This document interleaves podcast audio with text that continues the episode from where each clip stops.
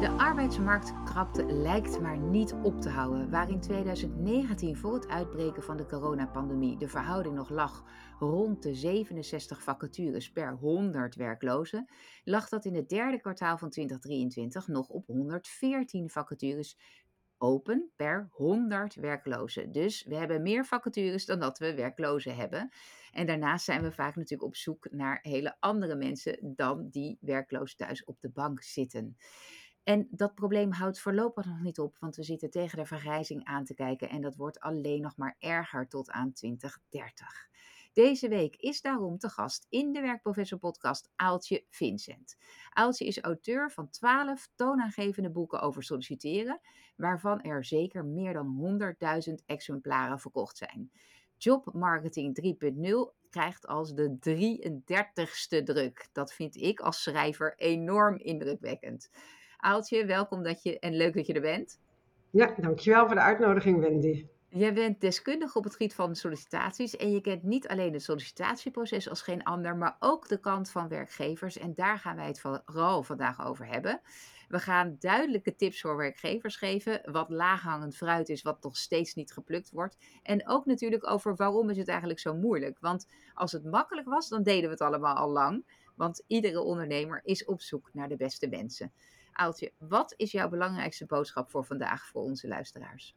Nou, dat solliciteren hopen is op een beter leven. Dat is wat het in essentie is. Anders solliciteer je niet. Nee, precies. Dus jij zei al, eh, we horen iets dat jij in een eh, wat. Je hebt een prachtige woning waar je vanuit deze podcast doet voor ons. We horen iets van achtergrond, galm daarin. Maar volgens mij is het prima te doen voor de luisteraars. Maar wat jij zegt is, we moeten ons realiseren als we een sollicitatiegesprek houden, dat de sollicitant op zoek is naar een beter leven. En, en als we ons dat realiseren, wat verandert dat dan? Nou, dat, het is natuurlijk al voordat je met iemand in gesprek bent. Dus het is, al, dat, het is al vanaf het allereerste moment dat je realiseert: ik heb nieuwe collega's nodig. Dat je dan al stilstaat bij van hoe kan ik hen in hun hart raken, zodat ze met mij in gesprek gaan over het werken hier. Dus het begint al in een heel pril stadium dat je je dat moet realiseren. Hoe maak ik het zo aantrekkelijk dat mensen überhaupt met mij in gesprek willen. Ja, en uh, nou, dat, ik denk dat veel mensen denken, ja, maar dat is uh, hartstikke duidelijk, want ik heb dat op de website gezet en ik zet in de vacatures dat we het leukste team hebben en dat iedereen welkom is. Mm Maar kennelijk is dat toch niet genoeg. Nee, want dat doet iedereen dus. Hè? Iedereen schrijft dat ze het leukste team hebben en het beste werk.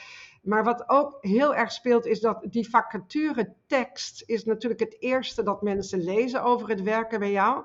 Maar dat is niet het eerste wat ze horen over het werken bij jou.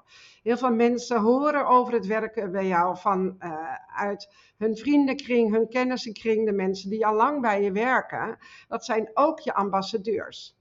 En het tweede is dan de vacature teksten.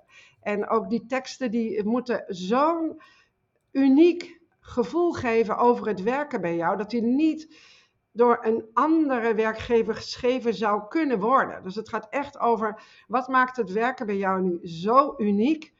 Dus de cultuur, dat is waar mensen op kiezen. En natuurlijk ook het salaris. Dat is nog maar in de helft van de uh, vacatureteksten waar het salaris in staat. Dus als het gaat over vacature teksten, dan gaat het dat je ongelooflijk goed beeld geeft van de cultuur bij jou. Het werk dat er gedaan moet worden en ook de beloning daarvoor.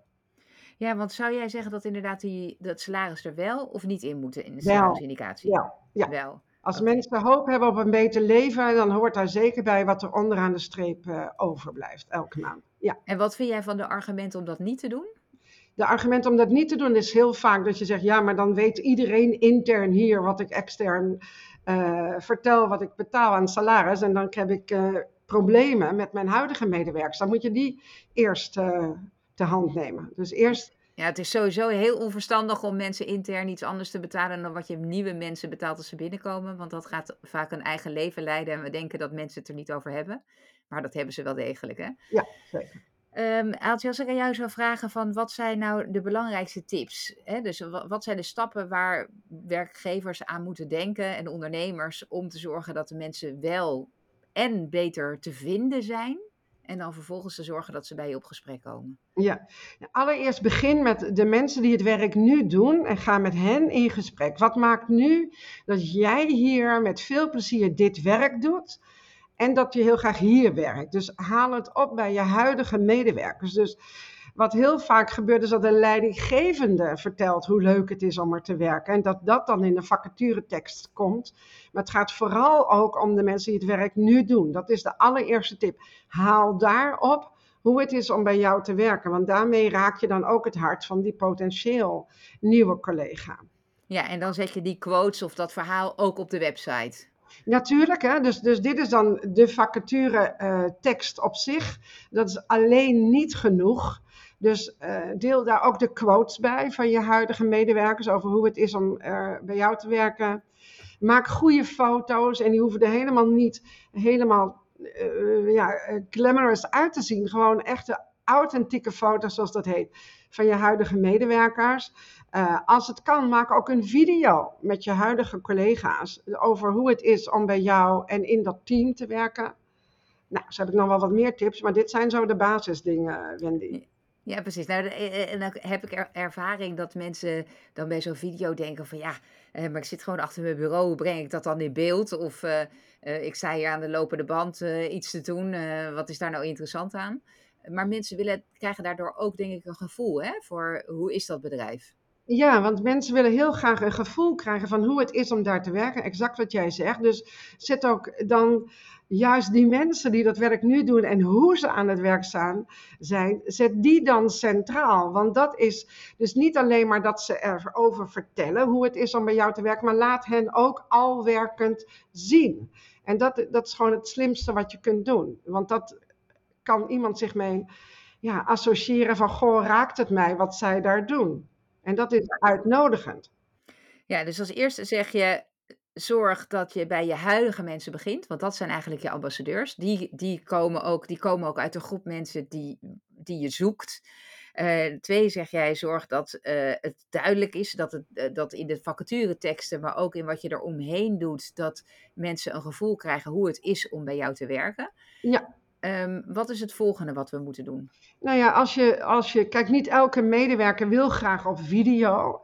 Dan is een veel laagdrempeliger medium, uh, medium is werken met uh, podcast. Dus je kunt ook mensen interviewen over hoe het is om in die functie te werken. Bijvoorbeeld de NS heeft bij uh, vacatures voor conducteur ook podcast staan. En dan vertelt een conducteur hoe het is om maar s'nachts op die trein te werken. Nou, dat geeft zo'n hartverwarmend inkijkje in dat werk. En podcast is vaak veel laagdrempeliger voor je medewerkers dan met hun hoofd op de video en dat op het internet. Dus dan kun je beter kiezen voor podcast. Uh, wat, ook heel veel, uh, wat ook heel goed werkt, is dat je een webinar opneemt. Dus dat je zegt, we hebben gewoon een webinar, die kun je kant-en-klaar maken, waarin mensen dan vertellen over, dus dat is wat, wat langer dan de ene minuut video, dan doe je een webinar. Maar wat ook kan, is dat je echt een interactief webinar organiseert. En dat je zegt, we hebben dan en dan, smiddags om half één, is er een webinar met de mensen die het werk nu doen. En dan kun je online dus al alle vragen stellen die je zou willen stellen. Dus dat zijn ook middelen die werkgevers inzetten die uitmuntend werken om gewoon een kijk in de keuken te, uh, te geven. Waardoor mensen denken, ja, het raakt mij, alles spreekt mij aan, dus ik ga solliciteren. Ja, want je bent ook een grote pleitbezorger van het contact al maken voordat mensen solliciteren. Om mensen uit te nodigen in je bedrijf, zodat ze alvast kennis kunnen maken. Hoe, hoe moet ik me dat ja, voorstellen? Alle voorbeelden die ik net noemde, dus uh, de tekst, de foto's, de quotes, de video, de podcast, webinar, kan je allemaal doen uh, uh, online. Maar ook dan is het, is het ook heel goed om je deuren open te zetten. Dat kan op allerlei manieren. Ik was ooit in een gevangenis, Wendy, en hadden ze op zaterdagochtend hun deuren opengezet, omdat ze begeleiders zochten voor de gevangenen. En uh, dan moest ik ook helemaal door zo'n detectiepoortje. Daar sprak ook de teamleider, maar je kon vervolgens echt één op één in gesprek met de mensen die het werk nu doen. En dat was natuurlijk subliem. Dat was op een zaterdagochtend. Ik was een keer voor de arbeidsinspectie. Dat was van half vijf smiddags tot half acht s'avonds. was inclusief een warme maaltijd, Indonesische rijsttafel. En ook daar kon je één op één al je vragen stellen. En dan hoor je bijvoorbeeld ook dat je in het weekend soms, soms, dat komt niet vaak voor, maar met een heel team inspecteurs de horeca ingaat om controles te doen, maar dat je dan ook een steekvest aan hebt. Nou, het feit dat je dat steekvest draagt, dat maakt dat eh, je echt bij jezelf gaat nadenken: Goh, wil ik nu een baan waarbij ik zo nu en dan een steekvest aan moet? En dat maakt dus ook dat je dit soort dingen zet je niet in een vacaturetekst, maar dat hoor je wel op zo'n real-life bijeenkomst. Dus dat maakt dat de sollicitanten ook die uiteindelijk solliciteren ook veel beter geïnformeerd zijn dan ooit tevoren. En dat maakt ook dat de mensen die uiteindelijk besluiten om te solliciteren, dat ze ook veel beter gemotiveerd zijn dan je ooit had kunnen bedenken. Dus dat betekent ook dat al je selectietijd besteed is aan de best geïnformeerde en daardoor best gemotiveerde kandidaten. Dus Precies, die dan waarschijnlijk daarna ook langer blijven. Hè? Want heel veel mensen hebben ook nog last, last van verloop daarna, omdat toch de baan anders blijkt te zijn dan mensen dachten van tevoren. Uh, of mensen denken, oh dat lijkt me heel leuk, terwijl het blijkt dat ze het heel vreselijk vinden. Dat is mijn grote frustratie, dat mensen van tevoren denken, oh dat wil ik heel graag. En dan blijkt dat ze dat helemaal niet graag willen. Uh, maar dat, dat los je op deze manier natuurlijk wel op. Ik kan me voorstellen dat als je een kleine ondernemer bent, dat je denkt, ja maar hoe krijg ik die mensen dan dat ze naar me toe komen? Ik kan me voorstellen, er is een ondernemer in, in de Noordoostpolder, eCraft en die heeft gewoon op hun website staan: je bent altijd welkom voor een kop koffie en een rondleiding. En dan mag je ook altijd praten met de mensen die nu daar dat werk doen. En zij zeggen: ja, we hebben dit nu, volgens mij hebben ze al twee jaar standaard op hun site staan. Daar komen gewoon fantastische nieuwe collega's uit. Dus zij hebben dit gewoon, neem contact op en wij regelen het.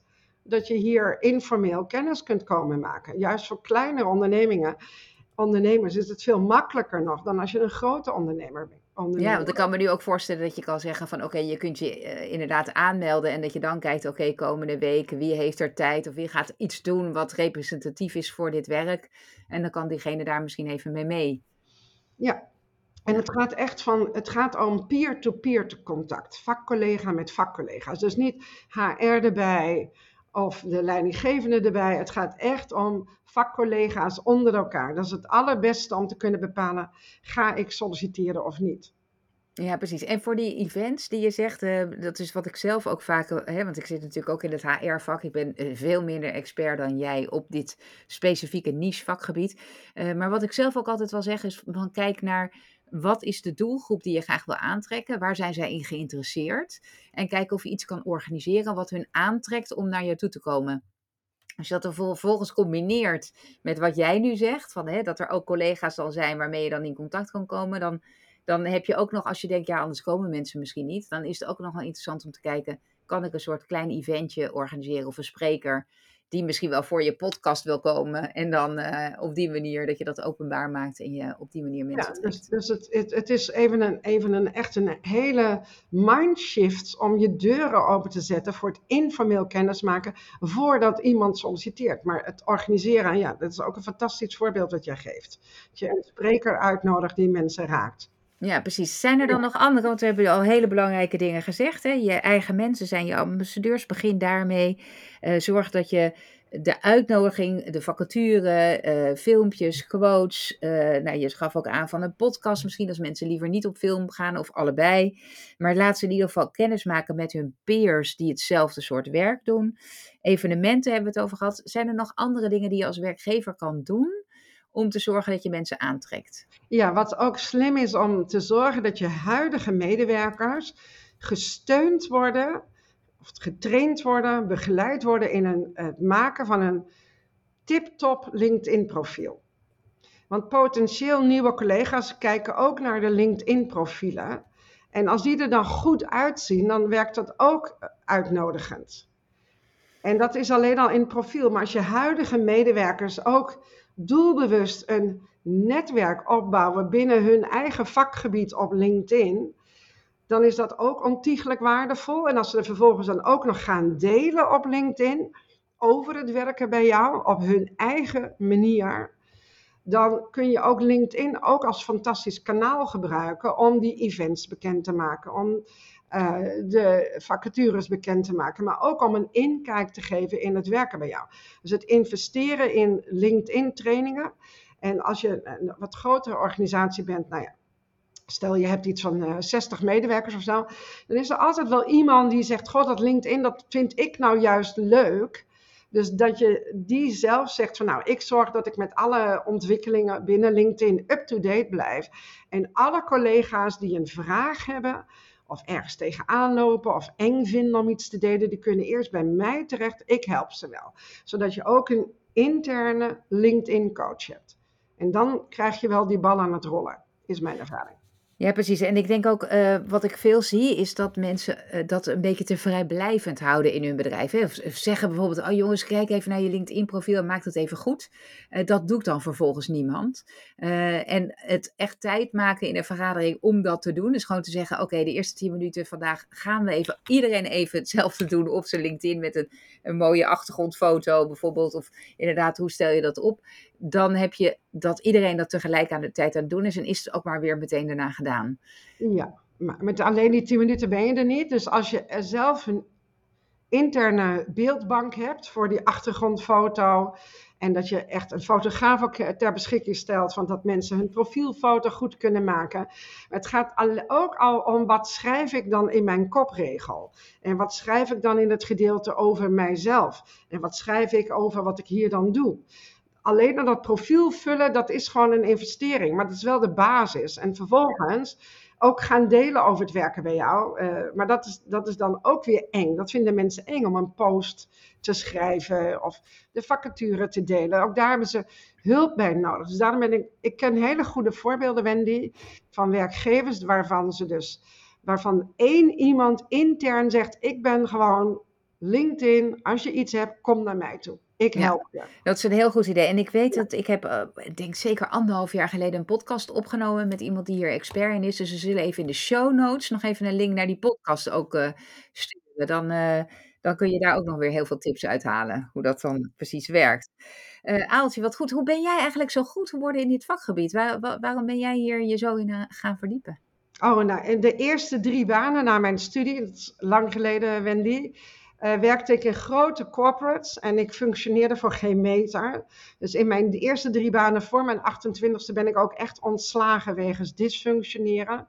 Dat was ongelooflijk pijnlijk om mee te maken. Ik kreeg toen wel een uh, outplacement traject. Dus toen kreeg, kwam ik zelf in zo'n traject om begeleid te worden naar nieuw werk. En toen moest ik zelf bij mezelf te raden.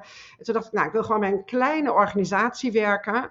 Bij start-up, waar echt nog carte blanche is, waar ik kan doen wat ik gewoon zie dat er gedaan moet worden.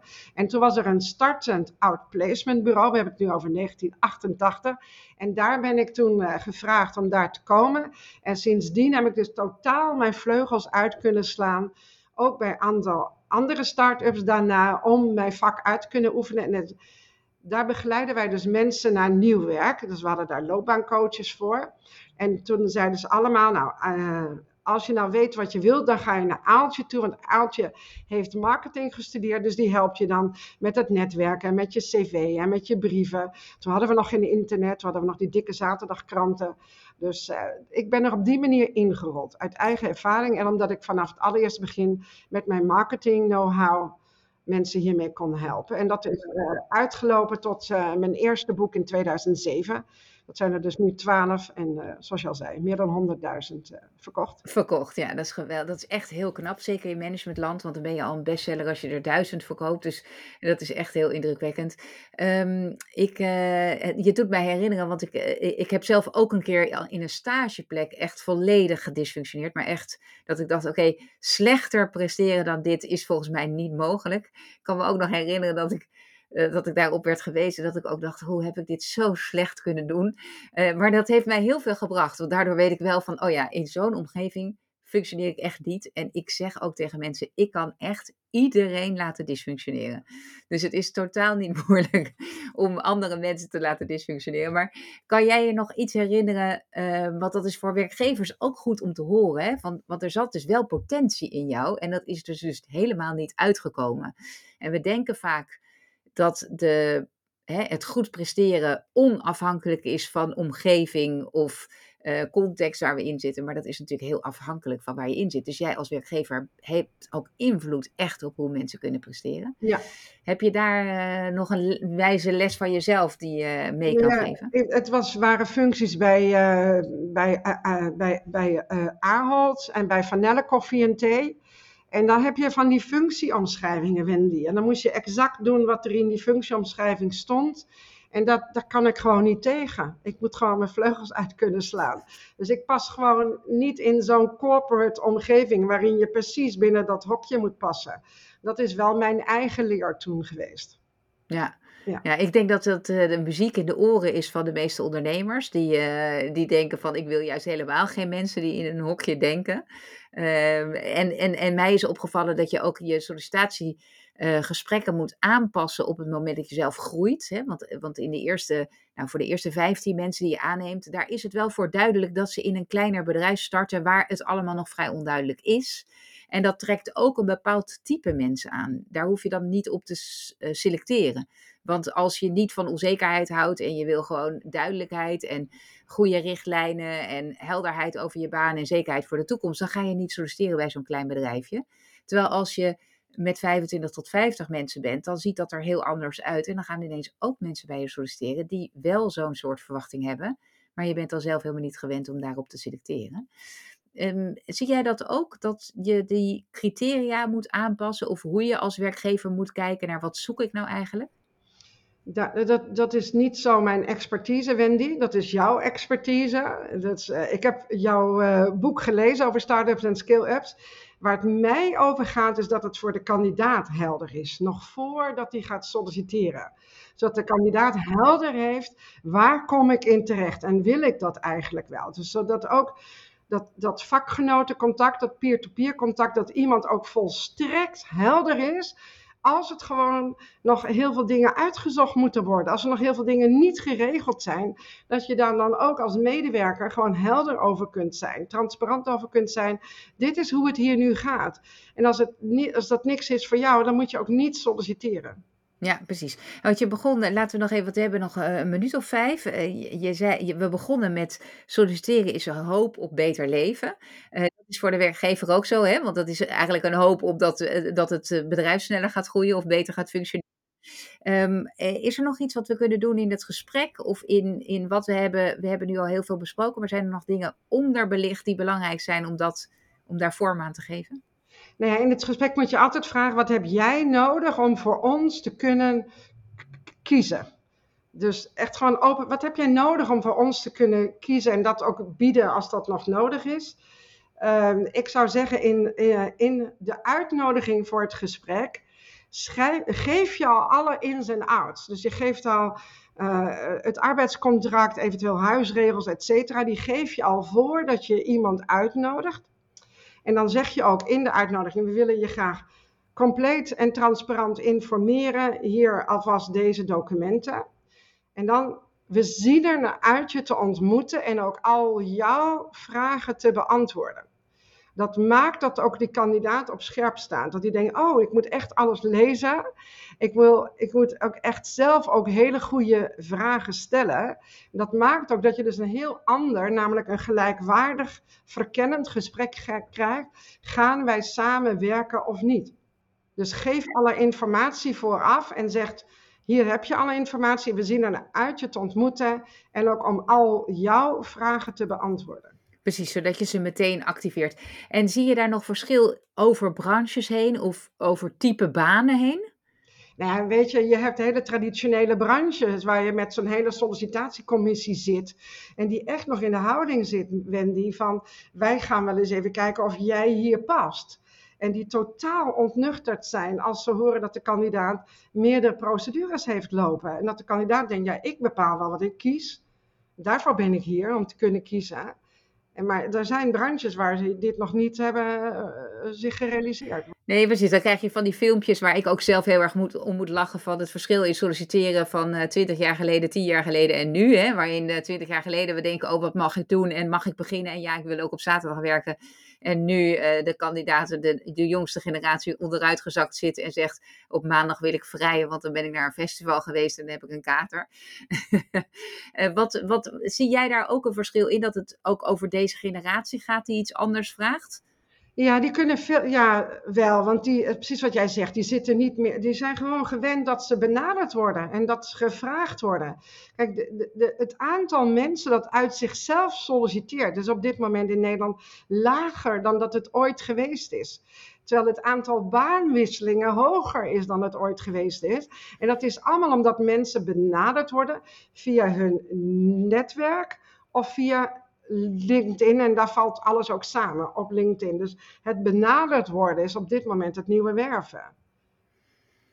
Ja, dus dat zegt ook iets over wat wij moeten doen. Dus we moeten die etalage goed inrichten, zoals uh, wat je al zei. Maar we moeten dus ook actiever zelf mensen benaderen. En dat kan dan weer via je eigen medewerkers die je daarvoor getraind hebt. Of in ieder geval hebt aangegeven dat je dat belangrijk vindt dat ze dat doen. Ja, en als je je eigen medewerkers daarop, hè, daarin mee wilt nemen, vraag dan ook aan hen hoe zij beloond zouden willen worden daarvoor. Dus doe niet zomaar een dik referral programma met een uh, paar duizend euro bo uh, beloning uh, bonus. Maar vraag aan je medewerkers: Goh, wij moeten met z'n allen zorgen dat we nieuwe collega's hebben. Hoe zouden jullie beloond willen worden als jij een goede nieuwe collega hebt aangebracht? Zodat je dat ook, ook dat weer ophaalt bij je huidige medewerkers. Ja, dat vind ik echt een toptip. Want wij hebben wel uit onderzoek gezien dat vaak die referral bonussen, wat eigenlijk dus een, een, de Engelse term is voor een aanbrengbonus, uh, dat dat helemaal niet zo goed werkt. Dus vaak uh, wordt het dan opgetuigd en dan is er misschien één of twee mensen in het bedrijf die daar gebruik van maken. Maar het is helemaal niet dat daardoor iedereen hard gaat lopen. Dus dat vind ik echt een, een hele goede. En we weten ook dat mensen die via referrals binnenkomen, beter eigenlijk landen vaak in de organisatie. Misschien wel omdat ze gewoon veel beter geïnformeerd zijn als die filmpjes er niet zijn en die quotes en die podcasts. Eh, dat ze dan toch, omdat ze aangedragen zijn door iemand anders, door diegene ja, goed zijn geïnformeerd zijn. geïnformeerd, omdat die iemand anders al heeft verteld hoe het is om daar te werken. Precies, ja. Dus en als je dat dan combineert met, met je deuren openzetten, dan heb je dus het beste van twee werelden. Ja, precies. Nou, Aaltje, daarmee gaan we afsluiten, want we zitten alweer op het uh, einde van onze podcast. Dank je wel voor al je kennis. Uh, welke van de boeken zou je aanraden aan mensen om uh, te lezen als ze hierin verder willen? Dan moeten ze mijn nieuwste boek lezen en dat heet Solliciteren naar werkgeluk. Solliciteren daar, naar werkgeluk. Ja, en daar staan ook veel voorbeelden in genoemd die ik nu genoemd heb. Geweldig. Dankjewel Aaltje voor al je expertise en ook dat je het voor ons opschrijft, zodat we er allemaal uh, van kunnen genieten. Ik vind zelf het investeren in boeken de beste return on investment. Want uh, wat ook een boek kopen, daar haal je zo tien keer revenue uit. Dus je, je hoeft maar één gesprek iets beter te doen en een goede kandidaat aan te nemen. En je hebt dat heel snel terugverdiend. Dus dank voor je tijd. Ja. Fijn dat je er was. En voor de luisteraars, mochten jullie ideeën hebben, suggesties, um, uh, feedback voor mij, laat het me weten op wendy apenstaartje vpeople.com. En V schrijf je met V-I-E. En heel graag tot de volgende keer.